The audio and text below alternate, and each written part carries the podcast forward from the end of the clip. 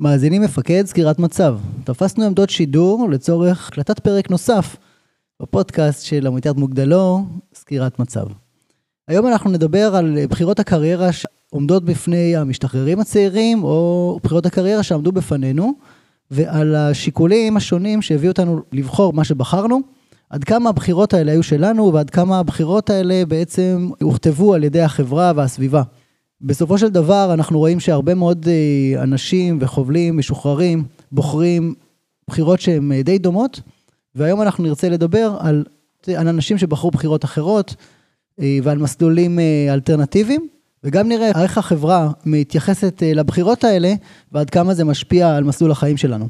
נמצאים איתנו היום שגיא צ'קרוב, משוחרר יחסית צעיר, השתחרר לפני שנה, נתי מנועים, שזה לא בדיוק השם המשפחה שלו, אחר כך נשמע למה, שהשתחרר ב-2014, ורון גרליץ שהשתחרר ב-98, במילניום הקודם.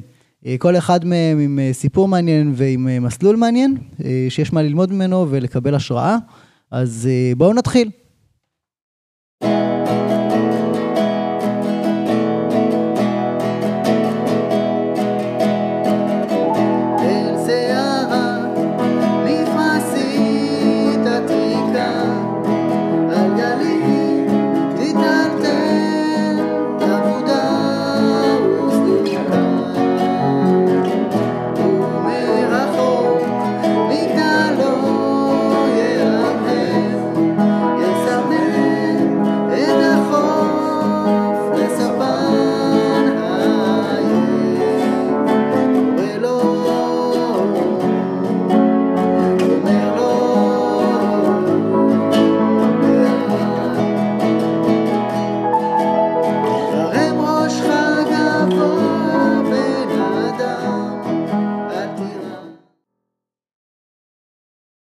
עמותת מגדלור, ארגון בוגרי קורס חובלים, הינה עמותה הפועלת למען פיתוח וחיבור קהילת החובלים והפעלתה למען החברה בישראל ככלל וחיל הים בפרט. אנו מזמינים אתכם לשמוע עוד על פעילות העמותה בכתובת www.חובלים ולהצטרף לכוחותינו ויחד לבנות קהילת חובלים חזקה ומלוכדת הפועלת לטובת מדינת ישראל. טוב, בוקר טוב חברים. אז אה, בואו נתחיל מהסיפור של אה, כל אחד.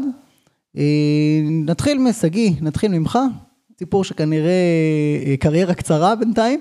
אה, בוא תספר לנו קצת על, ה, על השנה האחרונה, על, ה, על הלבטים ככה שאתה מתמודד איתם היום. אז קודם כל בוקר טוב, אני באמת השתחררתי לפני קרוב לשנה. מחזור 132, וכמו כל מי שמשתחרר מהמסלול, אז התחלתי ככה איזשהו מסע של חיפוש עצמי להבין, קודם כל לגבש את הזהות שלי אה, במקום הזה שבאמת פחות אה, התפניתי אליו אה, בשמונה שנים של השירות, וניסיתי בעיקר בהתייעצויות עם המודלים ש...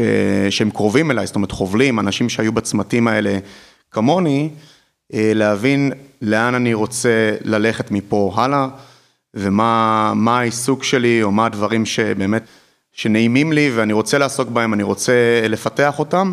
ואחד מהדברים שראיתי שבמרוצת השנים, דרך הצבא עדיין אני אוהב מאוד לעשות, והצבא לא הגביל אותי בהם, זה, זה נגינה, בעצם נגינה אה, בפסנתר, שהתחלתי אה, בגיל עשר, אה, והכיוון כרגע שבאמת התקבעתי עליו אחרי המון התייעצויות ושיחות, זה אה, לנסות להתקבל בעצם ללימודי אה, פסנתר באקדמיה בירושלים שנה הבאה, אה, וזה כרגע הכיוון. זה לא ממש מיינסטרים אפשר להגיד בחברה שלנו ובקהילה שלנו. אז זהו, אז גם במשובים, עוד דרך הקורס ו... ודרך התפקידים והקצונה, תמיד היו כותבים עליי שאני קצת עוף מוזר וסוכן נגד הזרם. אה, בתפקיד האחרון הייתי מפקד שלב אקדמיה, אה, איפשהו פשפשתי שם בזה, ואפילו ראיתי את, ה, את החוות דעת של סוף קורס שלי, זאת אומרת, ממש מה, מה התמצית שכתבו עליי. ואני פשוט נהייתי מודע לזה, ובאיזשהו גיל, אה, כשכבר סיימתי קורס חובלים וקיבלתי שיבוץ, ולא היה לי את הפן הזה של לנסות להשיג משהו או להגיע לאנשהו, אז פשוט קיבלתי את זה שאיך שאני זה בסדר. והרבה פעמים מנסים להגיד לך שיש מודל שהוא נכון או לא נכון, והתחושה שלי שלא לא יודעים בהכרח במסלול או בתפקיד, בתפקידים, להכיל את כל הגוונים שיש. וכשיש גוון שהוא קצת חורג או קצת שונה, הרבה פעמים זה אה, מתבטא כמישהו שהוא לא מספיק, או לא טוב, או לא כמו שאמורים להיות, כשלמעשה אין דבר כזה אמור להיות. יש כל מיני סגנונות פשוט. אה, וזו התחושה שלי לפחות. אוקיי, okay, לא יכולת להציג את זה טוב יותר, אה, לפתיחה ככה של, ה, של הפרק, אז, אז לפני שנמשיך ככה עם נתי ועם רון, אני רוצה אה, לתת אה, נתון שעשו איזה סקר אה, של העמותה, בקרב העמותה במגדלור, שאלו אנשים במה אתם עוסקים, ו-30 אחוז בערך אמרו שהם עוסקים במקצועות ההייטק. היום גם הצעירים, גם היותר בוגרים, וזה נתון די מדהים, כי הוא אומר שני דברים. אחד, קודם כל, ההייטק הוא מקצוע טכנולוגי, ואנחנו יוצאים היום, החובלים הצעירים, אני לא יצאתי עם תואר, אבל החובלים הצעירים יוצאים עם תואר, ודווקא בהייטק צריך תואר שהוא טכנולוגי, מה שאין לנו, ועדיין החובלים מוצאים את עצמם אה, שמה. 30 אה, אחוז זה, זה נתח מובהק, אה, נתח גדול, אבל זה גם אומר שיש 70 אחוז שהם לא שם. ואני חושב ש-80 אחוז מהתעבורה, מהתעבורה, מהטראפיק מדבר על הייטק היום. ופתאום אתה מביא פה משהו שהוא אלטרנטיבי ואתה מרגיש אה, שאתה עוף מוזר. אז נמצאים איתנו פה שני אנשים שהם אה, ב-70 אחוז, וזה לא כל כך מוזר להיות ב-70 אחוז, אבל הם גם היו שם בהייטק. אז נתי, בוא תספר קצת על המסלול שלך. קודם כל תודה רבה, נעים מאוד להיות פה. אה, אז השם שלי זה נתי בירמן, מה נעים? בשירות כולם הכירו אותי בתור נתי מנועים. אה, זה באמת היה שם המשפחה שלי, בירמן זאת אשתי, ומה נעים זה מה שמנועים היה במקור. אני לא נולדתי בארץ, עלינו לארץ, ואז אה, זה השתנה למנועים, ועכשיו אני מנעים. אז כן, אז לגבי המסלול שלי, אני השתחררתי באמת ב-2014. בטח נדבר על זה טיפה יותר מאוחר, על לבטים וכל מה שנלווה לשחרור משירות כל כך ארוך בלי באמת לדעת לאן אתה הולך. מצאתי את עצמי בתעשייה ביטחונית, התחלתי לעבוד בחברה שנקראת IOTT, שעושה הטמעת מערכות טכנולוגיות. בשביל חברות גדולות כמו ורינט, טרנזס, כל מיני חברות כאלה. דרך העבודה הזאת גרתי בניגריה בעצם שנה וחצי, אבל שם התחלתי להתכוונן לתפקיד של אה, מנהל פיתוח עסקי, זה הטייטל שלצורך העניין אה, כיוונתי אליו באותו זמן, התחלתי ללמוד MBA והתחלתי את כל המסלול הזה. אחרי שהייתי שנה וחצי אה, בתפקיד הזה, נהייתי מנהל פיתוח עסקי ב-IOTT, משם הקמתי סטארט-אפ בעצמי, בתחום המשפטי, שהיה נקרא ליגלי, הייתי בהרפתקה הזאתי בערך שנה וחצי. זה נסגר, נהייתי מנכ"ל מפלגה בכלל, שנקראה מפלגת ישר, ניסינו לקדם אה, דמוקרטיה ישירה, אה, גם דרך אמצעים טכנולוגיים אגב, אז זה היה חצי, כזה חצי סטארט-אפ, חצי יוזמה פוליטית. אה, זה נגמר, נהייתי מנהל פיתוח עסקי בפייבר, עבדתי שם תקופה בתור מנהל פיתוח עסקי ומנהל שיתופי פעולה, ושם בעצם כאילו הגעתי לחיות החלום שלי, זה מה שתמיד רציתי לעשות מרגע שהשתחררתי, זה לכוון לפוזיציה כזאתי. אה, ושם גם חייתי איזשהו משבר מאוד גדול לגבי, כאילו משבר משמעות מסוים לגבי מה אני עושה בעצם עם החיים שלי והאם יש לי משהו שמניע אותי לקום בבוקר. פרצה הקורונה, פרצה המחאה שבאה יחד עם הקורונה, נולד לי עוד ילד וקרו עוד כל מיני שינויים כאלה, שבעצם היו איזשהו כר פורה לזה שאני אעזוב, לא יודע עדיין אם סופית ולתמיד, אבל אני אעזוב את, אה, את התחום הזה שלמדתי עליו והתמקצעתי בו, כרגע אה, לחלוטין את ההייטק, וכרגע אני מנהל עמותה שנקראת תנועה ישראלית, אה, שהיא בכלל בשדה האזרחי-חברתי, וזהו, וזה מה שאני עושה היום. אוקיי, תודה, הולך להיות מעניין. אה, רון, מגיעים אליך, זקן השולחן. שלום, אה, אני ממש אה, שמח להתארח כאן בפודקאסט. אז קוראים לי רון גרליץ, אני בוגר מחזור ע"ט, השתחררתי ב-98 וזמן קצר אחרי שהשתחררתי הייתי בטיול קצר אחרי צבא והלכתי ללמוד באוניברסיטה העברית מתמטיקה ומדעי המחשב. ככה הרבה אנשים באותה תקופה נערו לכיוון ההייטק ואני הייתי, הייתי אחד מהם.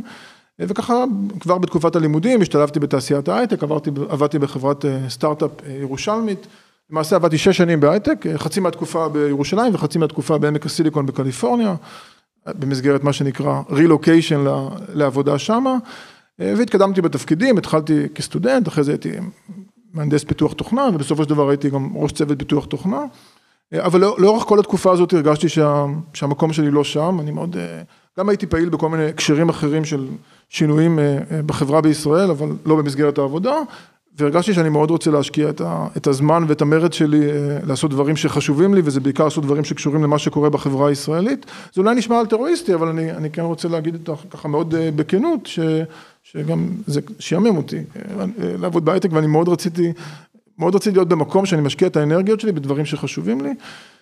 אז בסופו של דבר ב-2006, אחרי שעבדתי שש שנים בהייטק, עשיתי את השינוי הזה והחלטתי ללכת לעבור ב, לעבוד בארגוני חברה אזרחית ובשינוי חברתי.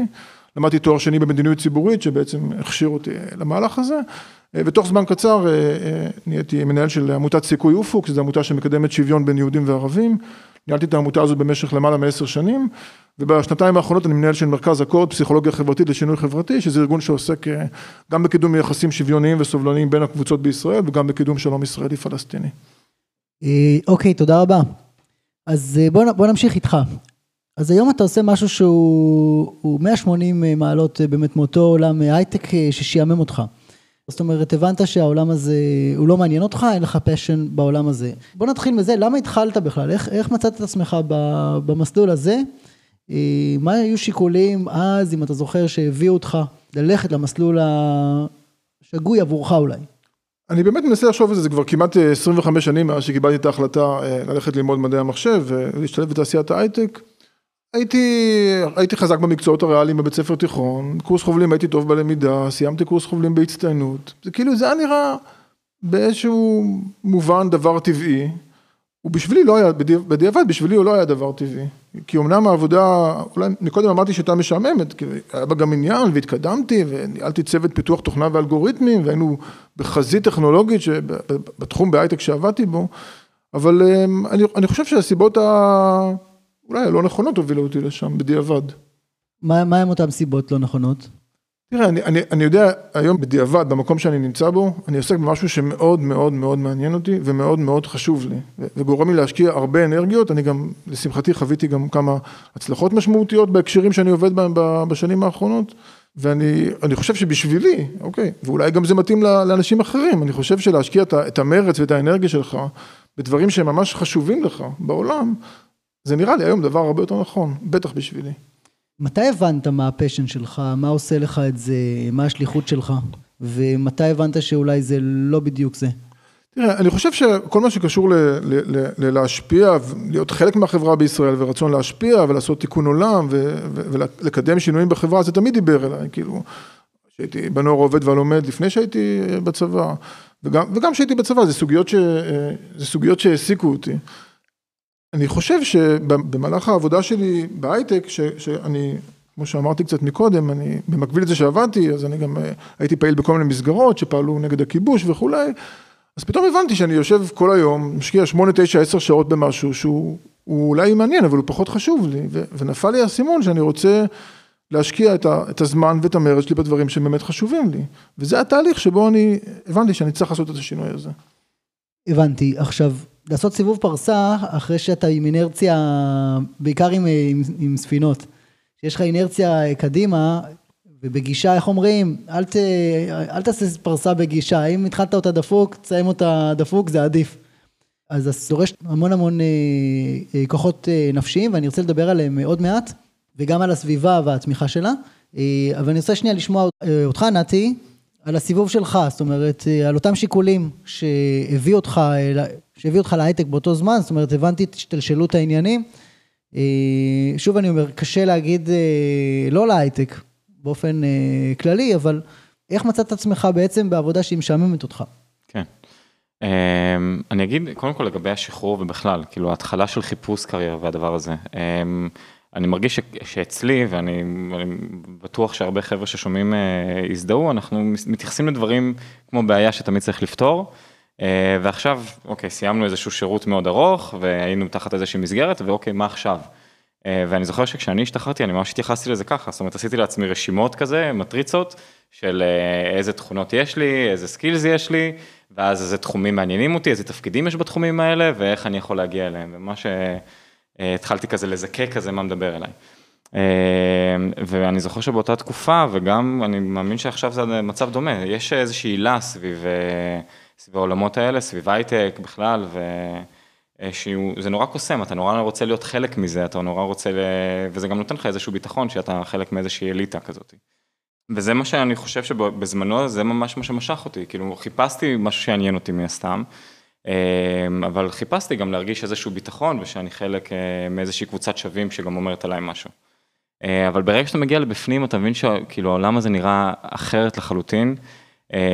יש לי רק דברים טובים להגיד על פייבר ועל אנשים שעובדים שם, אבל תכלס בפועל אין הרבה הבדל איך שאני חוויתי את זה.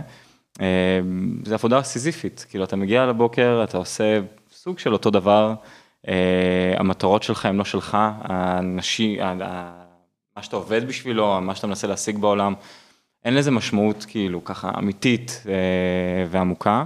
ובשבילי זה, זה התחיל עוד בסטארט-אפ, כאילו שעשינו קודם, ברגע שהתחלת להבין שהרבה מהעיסוק הוא, הוא לא המהות של הדבר שאתה מנסה לייצר, אלא זה כל המסביב של הדבר הזה. ואז זה עוד יותר קיבל תחושה כזאת כשברגע שהתחלתי לעבוד בפייבר, זאת אומרת שאתה תמיד יודע את המשפט של moving the needle, אתה איך מזיזים את המחט הבוקר, איך אנחנו גורמים לדבר הזה.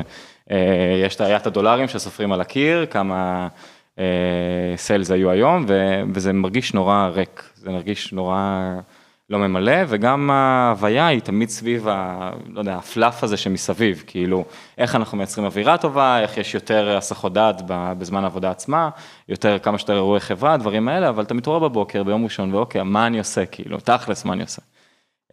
וזו תחושה שאחרי, היה לי איזה, התחלתי לעבוד בפייבר, והיה לי איזשהו היי כזה, שהגעתי לדבר שכיוונתי אליו במשך כבר שנים, למדתי בשביל זה, ו... ואת כל הקריירה שלי הצבתי את כל הדומינו בשביל שזה הכל יסתדר, והגעתי לשם וכאילו לא מצא את עצמי. ואז תכלס מבחינתי זאת לא, אני לא יכול להגיד שזה ממש הייתה החלטה מודעת כמו של רון שכאילו, אוקיי, הגיע הזמן לעזוב וכל זה. אלא התחיל לקרות משהו במקביל שמשך אותי מאוד, זה היה סיפור דווקא של המחאה, ואז זה היה בבלפור, ואנחנו התארגנו קבוצה של צעירים שחשבנו שצריכים להוציא את זה מבלפור, כי הסיפור לא היה פרסונלי, הוא בכלל היה סיפור הכלכלי מבחינתנו, איך שאנחנו תפסנו את זה, ומוצא את עצמי מתעסק בזה יותר ויותר, זאת אומרת, אני אמור לחזור מחופשת לידה, לוקה נולד, ואני אמור לחזור לעבודה בפייבר, אבל אני כל הזמן מעריך את החופש, כי זה מה שמעניין אותי וזה מה שאני רוצה לעשות. ושם, בנקודה הזאת, שהבנתי שאין לי שום עניין לחזור, כאילו לעשות את התפקיד, וגם שלא עשיתי אותו הרבה זמן, אני הייתי בתפקיד הזה כמנהל פיתוח עסקי בפייבר איזה שנה עד הנקודה הזאתי. אין לי, אין לי רצון לחזור לזה, וכל מה שמעניין אותי לעשות זה להתעסק בדברים האלה האחרים, ושם בעצם אני החלטתי שאני עוזב, בלי לדעת יותר מדי מה הולך להיות הדבר הבא, ועם כל ה-Backlash שזה, שזה הביא איתו, בייחוד אגב מקבוצת השווים שלי באותו זמן, בעבודה, זה היה האישו הכי מרכזי.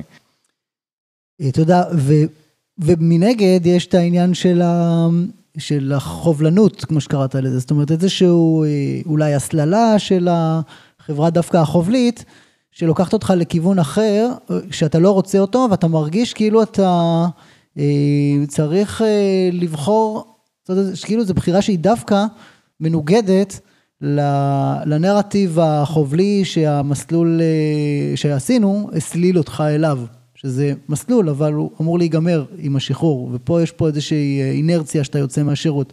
ספר לי על זה קצת. אז אני, יצא לי באמת, כמו שדיברנו, ודיברנו לפני שבוע גם בשיחת טלפון בנושא אחר, מפה לשם הגעתי לפה, אבל המחשבה שגיבשתי על העניין הזה בשנה האחרונה, זה בגדול שמי שיוצא מהקורס, הוא לא מגובש מספיק על הזהות שלו, כי הוא לא מתעסק בזה, זאת אומרת, במשך שבע או שמונה שנים, אני מדבר כמובן על מסלול רגיל, לא על מי שממשיך לאופק שירות, אז החובל בעצם משקיע קודם כל בלשרוד, זאת אומרת, לוקחים בן אדם מצוין מטבעו מהתיכון, שמים אותו בתחר... בקבוצה של סובייקטים שהם כולם כמוהו, קבוצת איכות, קבוצה שהיא מנפה, זאת אומרת, המחשבה שלו זה יצר הישרדות, הוא צריך להבטיח שמחר בבוקר הוא קם והכותפות שלו נשארות על הכתפיים. מה שמוביל להרבה התנהגויות אחרות אגב, אבל זה לא הנושא כרגע. ואחרי שבן אדם כבר מסיים את השלב ההישרדותי, ובעצם יש לו מרווח נשימה שנייה להתעסק בפיקוד, אז הוא לא משקיע בעצמו ובלגלות מי הוא, מה התחביבים שלו ומה מדליק אותו, הוא דואג למשימה ולאנשים. בעצם עד יומו האחרון, שפה באמת נבדלים אולי חבר'ה שהולכים להפיק בתפקיד חוף של קריה, של פיתוח, וגם זה כמובן תלוי תפקיד ואני לא שופט, אבל לפעמים הם יכולים לאפשר עצמם יותר את ההתעסקות הזו ואת החקר העצמי הזה. ואני זוכר ממש השבוע האחרון שלי בשירות, זה היה בין השבועות הכי לחוצים שהיו לי, ופתאום פשוט הייתי אזרח. זאת אומרת, עם, עם המון כלים מדהימים והרבה מאוד דברים שהם פלוסים אדירים, שבאמת לא הייתי מחליף אותם בשום דבר, אבל רגע, אני צריך כאילו פתאום להתאפס ולהבין מי אני, מה, מה הדברים שעושים לי את זה, ומה השתנה מכיתה י"ב, איפה שבעצם כאילו עצמתי את העיניים, פתאום פתחתי אותם ופתאום אני בן 27. אז אני חושב שמי שמגיע לצומת הזאת, הוא באמת הולך על בטוח. כי מאכילים אותו בזה שהוא יודע לנהל, הוא יודע לעבוד עם אנשים, הוא יודע לקבל החלטות. הסביבה שהוא מתייעץ איתה, זאת אומרת החובלים, המודל שדומה לו רק, בוא נגיד כמה שנים מעליו, הם גם חלק מהנישה הזאת, אז, אז האינרציה פשוט דוחפת אותו גם ללכת לזה, והוא הולך על בטוח פשוט. לא שזה פשוט, אבל פשוט זה משהו שמאוד מונגש ו, ומאוד טבעי ללכת אליו. קודם כל, כל מה שאמרת ממש מרגש אותי. אני קורא עכשיו איזשהו ספר של דניאל פינק על מוטיבציה. והוא מגדיר שלושה מודלים של מוטיבציה. מוטיבציה 1.0, שהיא מדברת על האדם הקדמון, שהיה צריך לשרוד. ואז יש מוטיבציה 2.0, על מהפכה התעשייתית של תגמול מקל וגזר. והיום אנחנו במוטיבציה 3.0, דור ה-Y, דור ה... לא יודע איזה כבר יש לנו, Z, שמחפשים את המשמעות, מחפשים את התכלית, את האוטונומיה, את העצמאות. אמרת משהו מאוד מעניין, כי דווקא החובל יש לו המון אוטונומיה, המון עצמאות, המון משמעות, והמוד הוא מוד של מוטיבציה 1.0 של הישרדות. ופה אני רוצה להעלות איזושהי נקודה, האמת היא שאלה לכולם. בעצם תפקיד של מפקד ספינה או קצין מחלקה, הוא תפקיד קצת של, אני הרגשתי את זה בשירות, שהוא תפקיד של טרש או טרש, אתה יכול רק לפשל. זאת אומרת, זה לא כמו קצין ב-8200 שיכול להוציא איזשהו פיתוח שהוא פורץ דרך מדהים והוא מנצח את המלחמה הבאה, פה אתה בעיקר מתעסק בלא לשרוף את הספינה, להוציא 15 חיילים לים ולהחזיר אותם עם כל האיברים מחוברים אליהם, ולשמור על הגבולות, נקיים. יש פה איזשהו אג'נדה חינוכית אולי, שהיא סביב הנושא הזה של לשרוד. ושזה לא, לא הולם את מה שקורה אחר כך, היום, בעולם היום של, של בחירות הקריירה שלנו, של הדור שלנו. אם יש למישהו משהו להגיד על זה, מסכימים, לא מסכימים? אני, אני מרגיש, היה משהו אצלי שמאפיין את המחזור שלי, אני לא יודע איך זה היה אצלכם במחזורים הבוגרים יותר, אבל יכול להיות שאצלך זה עדיין קיים. היה שלט, לא יודע מי הגאון שחשב על הדבר הזה, בבית ספר לקצינים, קורס חובלים, השורה הראשונה בקורות החיים שלך. ואני דווקא חושב שהרבה מהכוונה של חובלים אחרי זה, היא נובעת חלק מהסנטימנט הזה, זאת אומרת, לא יודע אם בהכרח היצר ההישרדותי, אבל כן איזשהו לחץ גם להצטיין, גם למנף נכסים כאילו, שאנחנו נדע שאנחנו מתקדמים במסלול הנכון, וגם הרבה התעסקות בעצמי.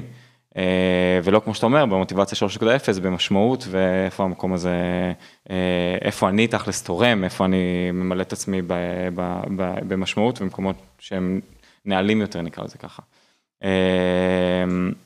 ואני חושב שאני מסתכל על עצמי רגע בזמנים האלה, זה ממש, זה הכתיב הרבה מהדברים, כאילו מההסתכלות של, אוקיי, אני נמצא עכשיו באיזושהי, באיזשהו level, צברתי נכסים כאלה וכאלה עד עכשיו, כי זה היה השירות שלי וזה שזה, עכשיו איך אני ממנף את זה, איך אני ממקסם את זה, ואיך אני הופך לגרסה הכי טובה של עצמי ביחס לקבוצת השווים שלי שאני יכול להיות. וממש מהמקום הזה של מוטיבציה שאתה מדבר עליו, אני חושב שזו הסתכלות מאוד מעוותת. עם אימא שמביאה אומרים בזווית קטנה על המפה בהתחלה ואתה מוצא את עצמך בלפלנד, זה לדעתי מה שמביא בסופו של דבר אנשים שעושים בחירות קריירה, שהן לא הולמות את עצמם ואת מה שבאמת מניע אותם. רון, אני רוצה לשמוע ממך על, על, על סיפורים, אתה יודע, יש לך יריעה, יריעה רחבה של, של כבר 20 שנה, אולי 30 אפילו, של ללכת עם ונגד הזרם, ספציפית באוכלוסייה שלנו, של... האוכלוסייה החובלית, וגם יש לך עיסוקים שהם טעונים בסופו של דבר, ואני רוצה לשמוע איך החברה מקבלת דעות שונות, אולי כיוונים שונים. אז אני חושב שבאמת יש עניין מסוים שבו הלכתי אולי ממש נגד הזרם, וחטפתי הרבה שפריצים מחברים ומאנשים שהם בוגרי חובלים. אז אני, אני ככה אספר על זה בקצרה, בשנת 2001-2002, זה היה זמן קצר אחרי שהשתחררתי והייתי אז, אז בשירות מילואים ב-914, אחרי זה המשכתי עוד הרבה שנים גם אחרי זה בשירות מילואים כמפקד ב-914, ובזמן הלימודים באוניברסיטה ככה הדעות שלי התעצבו והצטרפתי לקבוצה של חיילים וקצינים בהתארגנות אזרחית ש, שקראה לסרב לשרת בשטחים.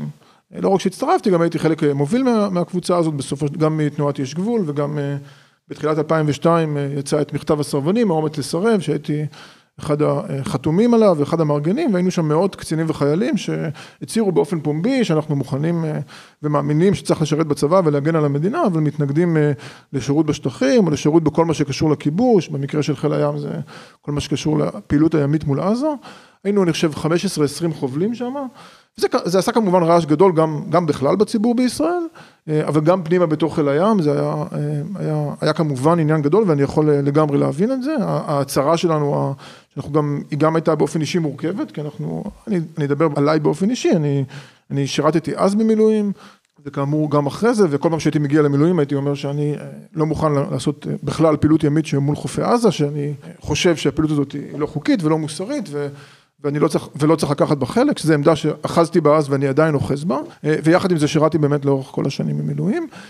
התגובה, גם מהחברים שלי בקורס וגם מאנשים אחרים בפלגה וכולי, הייתה תגובה קשה, גם אליי וגם, וגם לחברים האחרים שלי שחתמו על מכתב הסרבנים. מה זאת אומרת? האמת שהיא הייתה מאוד קשה, זאת אומרת, היו, ממש כעסו עלינו וזעמו עלינו וחשבו שזה מעשה שהוא לא יעשה והוא חמור ביותר ביותר. עכשיו אני כמובן לא רוצה להיכנס פה עכשיו בפודקאסט לוויכוח אם זה היה נכון או לא, אני גם, אני גם מבין את ה... אני מבין את העמדה האחרת שאומרת שעמדה שגורסת שלא נכון שקצינים בשירות מילואים יגידו מה הם מוכנים ולא מוכנים לעשות, אני, אני לא מסכים איתה בהקשר של הפעילות מול עזה, אבל אני כמובן מבין אותה. אבל התגובה הייתה קצת ממקום שכאילו איך אתם עושים לנו את זה? כי היה את מכתב את מכתב המטכ"ליסטים ומכתב הטייסים והחבר'ה בחי"ר, דרך אגב שם הושלכו לכלא מאות קצינים שסרבו לשרת בשטחים וכשזה הגיע קצת לחובלים, אני חושב שקצת היה תקווה בחיל הים שזה לא יגיע גם אליהם, הדבר הזה. אולי מה שנתפס כבושה, ש, שקצינים מפעילים את הראש ומצהירים והולכים לעיתון ולתקשורת ואומרים, יש דברים שאסור לעשות. אני זוכר שכתבתי מכתב למערכת הארץ, שבו כתבתי שמה, שחיל הים עושה מול עזה הוא לא מוסרי, ווואי, איך ממש ממש כעסו עליי, כאילו, כאילו שאסור לבן אדם, אזרח, לכתוב בעיתון את דעתו על מה שהצבא עושה, גם אם זה החייל שבו הוא שירת בו. ואני חושב שזה קצת היה ממקום, אני חשבתי על זה גם קצת בדיעבד לקראת, לקראת השיחה היום, שקצת ממקום של לרצות לראות אותנו בוגרי חובלים, משהו שהוא מאוד נקי ומאוד מוצלח. ותמיד הכל בסדר, ואז איך זה יכול להיות שבאים אנשים שהם מתוכנו ואומרים שמה שאנחנו עושים כחובלים בשירות הצבאי שלנו, בקבע או בסדיר או במילואים, הוא לא בסדר. ואני גם רואה את זה קצת בדיונים בבית החובל בש... בשנתיים האחרונות, גם סביב פוסט שאני פרסמתי לפני כמה חודשים, שבעצם דיברתי על העניין הזה, וקיבל תגובות מאוד מאוד קשות, כולל מדריך שלי בקורס חובלים ואני אני חייב להגיד, קצת פגע בי, הוא אחד הדרכים שהוא התנגח בי, שהוא אומר, הוא סתם משקר, הוא בכלל לא עשה מילואים ב-914, שזה כאילו מגוחך, אני כל השנים עכשיו עשיתי מילואים וחטפתי שפריצים אמיתיים, אבל כאילו, ושאלתי, מאיפה המקום הזה? ואני חושב שזה קצת מהמקום שאולי, לרצות לראות אותנו כמאוד נקיים, ואני חושב שחבל, כי אם אנחנו רוצים להיות חלק משמעותי בחברה בישראל, אז זה גם כולל הסתכלות ביקורתית על מה שקורה בחברה בישראל, ממקום שהוא מאוד פטריוטי בעיניי. אני רוצה קצת להתחבר למה שרון אמר, לא במובן של הדעה, העמדה הפוליטית וכל זה, אבל כן יש משהו בחובלים בכלל, בשירות, הוא נורא ממלכתי, וכאילו יש איזשהו פאסון כזה, כן, שאנחנו צריכים לשמור על טוהר. ולדעתי הסטריליות הזאת היא רק פוגעת בתדמית שלנו, כי אנחנו, כאילו אנחנו מפקדים, אנחנו מנהיגים, אנחנו אנשים שמסתכלים עלינו כדי להוביל דברים. ואם אנחנו לוקחים את המושב האחורי בשינויים האדירים האלה שקורים, ואתה דיברת על הילדים שלנו, כן, הם אלה שהולכים לאכול את זה אחר כך, אז אנחנו חוטאים לעצמנו וחוטאים לכל מה שחינכו אותנו במשך שנים. אז בוא נדבר רגע על, ה, על החיים שאחרי ההייטק נקרא לזה, או על החיים האלטרנטיביים האלה. במקום שבו אני נמצא עכשיו, בעיסוק הזה, שבו אני כל הזמן נוגע באנשים ואזרחים והכול, אני כאילו צריך איכשהו להעביר לכל מי שמאזין, איך הייתי קם בבוקר, ביום ראשון בבוקר כשהייתי עובד בחברה ההיא, ותיארתי את זה קצת קודם, כן, העניין עם המספרים וכל הזמן לתוצאות, לבין המשמעות שאתה מרגיש שאתה עכשיו יוצא לעבודה ומה שאתה עושה. וזה באמת מבחינתי הבדל מהותי, מה שפעם בשבילי היה כאיזשהו עיסוק צד בשביל למלא נפש, כן, הייתי, לא יודע, מתנדבים, אני בטוח שכולנו מתעסקים במקומות כאלה, ברגע שהפכתי את זה לעיסוק המרכזי שלי, שזה מה שאני קם לעשות, זה הייעוד שלי עכשיו, כן, בשביל זה אני מתעורר בבוקר, על זה משלמים לי משכורת וזה מה שאני עושה, קודם דיברת על ילדים שלך ויכולת להסתכל עליהם בעיניים, זה מה שגורם לחזור הביתה ולהיות גאה בעצמי במראה, וזה מה שגורם לי לקום בבוקר ולהתלהב ממה שאני עושה. זה אחר מבחינתי לחלוטין. עכשיו, התגובות של הסביבה, זה משתנה, זה מאוד משתנה. קודם כל, הרבה יותר קשה להסביר את מה שאני עושה עכשיו.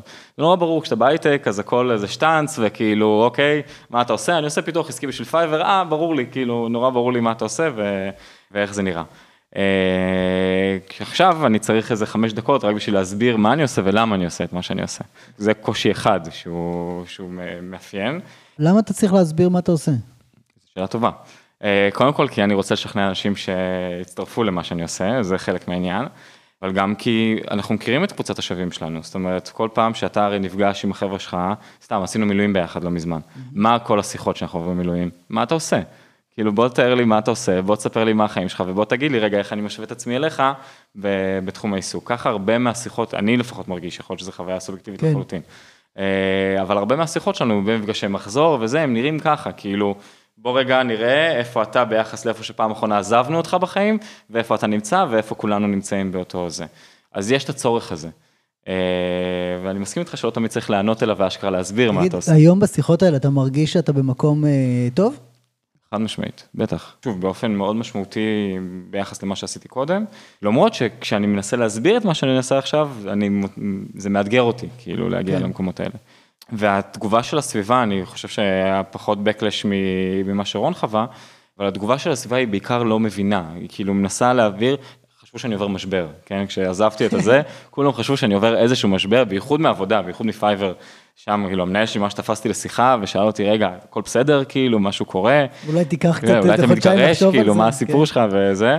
ובאמת נתנו לי, כאילו, נתנו לי חודשיים, נתנו לי משכורת של חודשיים, ואמרו, רגע, תחשוב על זה לפני שאתה זה. והיה הרבה חוסר הבנה, וכאילו לא מאמינים לך, כשאתה אומר, לא, אני, אני מרגיש שאני עושה עכשיו, אני באלמנט שלי, כאילו, אני עושה את מה שאני מאמין בו, ופה אני נמצא, יש ספקנות סביב הדבר הזה. אני רוצה לתת שאלה מהקהל. שגיא, אני חושב שאתה בפוזיציה לשאול פה שאלות. אחרי ששמעת את כל מה ששמעת, והבנו שאתה גם חווה את ה... חלק מהדברים שדוברו פה, בוא תשאל שאלה, את שניהם, אחד מהם, אותי. אוקיי, okay, אז באמת בראייה שהיא עתידית, כי בסוף אנחנו מאוד רציונליים, אנחנו מסתכלים קדימה ועושים pros and cons, כל דבר אנחנו שוקלים על המאזניים, מוצאים איזה פלט כזה של, אוקיי, אז זה כן וזה לא. כשאתם מסתכלים בסוף, או כשהסתכלתם בצמתים שלכם, כמה, בוא נגיד בשיקולים, כמה רחוק, אתם יודעים, הסתכלתם מבחינת זמן בהיבט התכנון? אני יכול להגיד לגבי עצמי, שאני עשיתי את המהלך הזה, שהחלטתי שאני עוזב את ההייטק והולך לעבוד בשינוי חברתי, בארגוני חברה אזרחית, הסתכלתי, היעד שלי היה להיות, להיות מנהל של ארגון שעושה משהו משמעותי. רציתי לכוון, כאילו כיוונתי גבוה, אולי זה... אולי זה לא בלתי קשור לזה שאני בוגר חובלים ולזהות החובלית, ותחושת ההצטיינות וזה, והניסיון מהשירות בצבא, שבעיניי הוא רלוונטי גם להרבה מאוד הקשרים של, של עבודה וגם בשינוי חברתי, לצד החסרונות של, היסרון, של הניסיון הזה, אבל אני כיוונתי למקום הזה, רציתי להיות, להוביל מהלכים משמעותיים בחברה האזרחית, וכיוונתי לזה, לשמחתי התגלגלתי לשם די מהר, תוך איזה שנתיים או משהו כזה. אבל אני חושב ש... אני חושב שכדאי לכוון יחסית רחוק וגבוה. איך עושים את זה? אבל איך... זאת אומרת, אני יכול ללכת ללמוד הסבת אקדמאים למורים, נכון? זו שאלה טובה. אני, אני חושב, אני, אני ראיתי... אני יכול לספר איזה סיפור קטן, שאני פעם אחת החלטתי שאני עושה את זה, ונסעתי מהחברת הייטק שהייתי בה להר הצופים בשביל לברר על לימודי הסבה לעבודה סוציאלית, ממש, כן? וחזרתי למשרד והמנכ"ל קרא לי, במקרה הוא לא יודע מאיפה הייתי, והוא הציע לי שנעשה רילוקיישן לארצות הברית. ואני אמרתי לו לא, כי זה היה לי בכלל, הייתי מעורב במיליון דברים אחרים שהיה אכפת לי בישראל, ובכלל רציתי לצאת מההייטק. מיליון ליון, הגעתי הביתה, דיברתי עם הבת זוג שלי, עם ההורים שלי, כמה חודשים אחרי זה היינו כבר על המטוס בדרך לשלוש שנים בעמק הסיליקון, אבל אני חושב שצריך הרבה נחישות, וגם זה מה שקצת היה לי קשה, גם, כאילו, לקח לי שש שנים לצאת, שש שנים הייתי בהייטק, גם כי טוב שמה, וגם כי המשכורות גבוהות, צריך להגיד, גם המשכורות גבוהות בתור תפקידים זוטרים, וכשאתה מסתכל על המשכורות קדימה, אז הן בטח הרבה יותר גבוהות, יש גם עיוות בחברה בישראל, אני חושב ששגיא, נדמה לי שקצת רמזת לזה, אולי בהקשר שדיברת על המאפיינים הדמוגרפיים של בוגרי חובלים, זה בוודאי המאפיינים הדמוגרפיים של אנשים שעובדים בהייטק, אז אני חושב, וזה גם, גם העצה שלי, זה אולי קצת יישמע ניו אייג', אבל צריך להיות מאוד נחושים, להחליט שרוצים לעשות את זה, להבין שיש חיים מחוץ להייטק, לא כולם עובדים בהייטק, אולי נראה לי תשעה אחוז מהמשק בישראל עובדים בהייטק, יש המון דברים מאוד אה, משמעותיים וחשובים שאפשר לעשות מחוץ להייטק. אני חושב שכדאי ללכת ללמוד לימודים אקדמיים, אה, כי זה, זה, זה משהו שהוא אה, עוזר לך ככה להיפתח ולהסתכל בצורה יותר מורכבת, לימודים אקדמיים, אני מתכוון שקשורים לתחומים האחרים שאתה רוצה לעסוק בהם, ובעיקר, כאילו, אני מתישהו החלטתי ש-it's now or never, כאילו, אמרתי לעצמי, אם אני אמשיך, אז כבר יהיה לי יותר ויותר קשה לצאת, גם כשיצאתי מההייטק, היה לי קשה למצוא עבודה, קצת כמו שאמר נתי, קצת הסתכלו עליי בתור מוזר, אולי, אולי הוא לא הצליח בהייטק, היום גם זה הרבה יותר מקובל שאנשים עוזבים את ההייטק, אני עזבתי ב-2006, אני חושב שהמספרים היו יותר נמוכים אז, הייתי צריך לשכנע לא, אין, לא, לא הייתה לי בעיה בהייטק, אה, זה אולי קצת מוזר, אבל זה דבר שהוא... ו, ולקח לי קצת זמן למצוא עבודה, לקח לי חצי שנה, וזה היה מתסכל. וגם בהתחלה מצאתי תפקיד שהוא לא בכיר, אבל הייתי, הייתי באמת מאוד נחוש, ובסופו של דבר, לשמחתי, זה הצליח. אבל אה, אמרו לי תמיד, תעשה מה שאתה אוהב, וה... ויהיה בסדר. והיום אני, אחרי, אה, לא, אפילו 15 שנה, אני חושב, הכל בסדר. אני לא נוסע לסקי שלוש פעמים בשנה, אבל, אה, אבל הכל בסדר. יש פה מישהו שרוצה לשתף, אה, ככה אתה... אני אגיד כן. משפט אחד, שאני חושב שבהייטק, במיוחד בשנים האחרונות, השכר נעשה מאוד מאוד מאוד גבוה, וגם לחלוטין בלתי, כאילו, בלתי סביר, אני חושב, בכל מיני הקשרים. ואני חושב שמנקודת מבט של אנשים שעובדים בתעשייה, זה נראה שהדבר, ה... איך אפשר לנהל אורח חיים אם אתה לא מרוויח משכורת של 45 אלף שקל. אבל רוב האנשים בישראל מנהלים אורח חיים, בלי להרוויח סכומים כאלה מטורפים. ו... ואני חושב שאני גם, כשאני עזבתי את ההייטק, אז חוויתי ירידה משמעותית בשכר, אחרי זה שהתקדמתי בניהול, אני קצת פחות רחוק מהשכר שהיה לי, אה, ביחס לירידה המשמעותית שחוויתי. אבל יש גם, אה, בלי להיכנס לכל מיני עצות כלכליות, כי זה לא רלוונטי כרגע, יש מאוד משמעות לעשות משהו שהוא משמעותי בחיים. יש לזה רווחים מאוד גדולים ברמה האישית והמשפחתית. אוקיי, אנחנו אה, לקראת סיום, תודה. אז אני אסכם את כמה תובנות עכשיו שעלו. אז אחד, אני אצרף את זה למה ששגיא אמר בתחילת הפרק, על הנושא של הישרדות. אנחנו רגילים לשרוד, אנחנו רגילים לשמור על הכותפות של העוגנים על הכתפיים, וכל הדיון הזה סביב כסף הוא דיון הישרדותי. ואנחנו במין mindset שהוא לא רלוונטי, ואני לא רואה הרבה אנשים שרעבים, בטח אנשים עם סט יכולות כמו שיש לנו, אז 90 אחוז מה, מה, מהישראלים הם לא בהייטק, והם לא רעבים. ו, ובטח שאנחנו לא, לא נהיה רעבים ו, ויהיה לנו קורת גג אה, טובה. ובואו נעבור לאופטימיזציה לפי משמעות ולא לאופטימיזציה לפי הישרדות, אה, וגם אה, להתחתן טוב. אז אנחנו מגיעים לשלב הפלברה, קדימה, תנו לי אותם. אני רוצה לספר איזה סיפור שקשור גם לשפריצים, אבל בעיקר ככה אני מול הקהילה של החובלים, גם בהקשרים שדיברנו עליהם בפרק, ההקשרים של הקצת פוליטיים שדיברנו עליהם. אז זה היה ממש בשירות המילואים האחרון שלי לפני כמה שנים.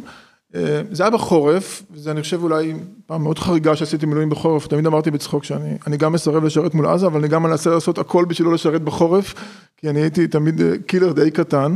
ואיכשהו התגלגלתי לשרת בחורף, כמפקד דבורה ב-914, ויותר מזה גם היה קיפול בט"ש.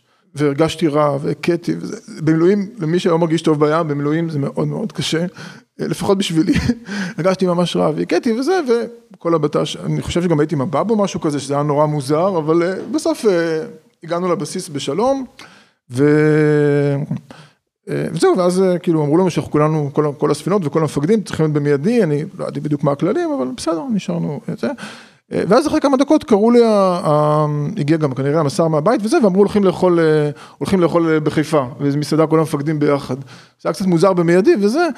עכשיו אני, אני צריך להסביר, לי זה ממש לא, לא עלה בדעתי שאני אצא החוצה עם המדים לחיפה, כי אני באותו זמן ניהלתי עמותה שישבה בחיפה, ברחוב בן גוריון, ממש ליד הבסיס, עמותה יהודית ערבית, לעובדים ערבים, בארגון שניהלתי היה מאוד קשה שאני עושה מילואים, כאילו כמה שחטפתי מכל מיני אנשים בקהילת החובלים על הצהרות הסרבנות שלי, לשותפים הערבים שלי, כולל שותפים בכירים, באמת בעמדות מאוד בכירות בקהילה הערבית, היה קשה, השירות המילואים, זה היה בכלל לא עולה על דעתי שאני אשב במסעדה שם עם מדים, זה זה היה יכול לעשות לי נזק מאוד מאוד גדול, אז אני אמרתי להם שאני פשוט לא, לא רוצה לבוא, משהו כזה שלא מתאים לי, אבל הם לא, כאילו חובלים, הם התעקשו, מה זה מפקד מילואים, לא רוצה לבוא וזה, באו, באו לדבר איתי כולם, ופשוט אמרתי להם את האמת, אמרתי להם תשמעו, אמרתי להם בדיוק מה שאמרתי לכם, ואז הם חשבו, אמרו, אין בעיה, אנחנו עולים כולם על אזרחי, נצא ביחד על אזרחי למסעדה.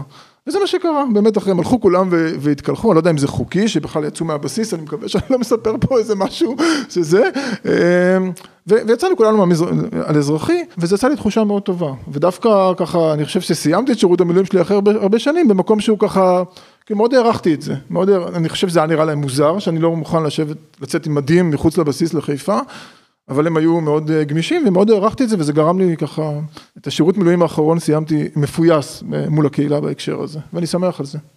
אני שמח על הסיפור שמסיים את הפרק אה, בצורה מפויסת וטובה.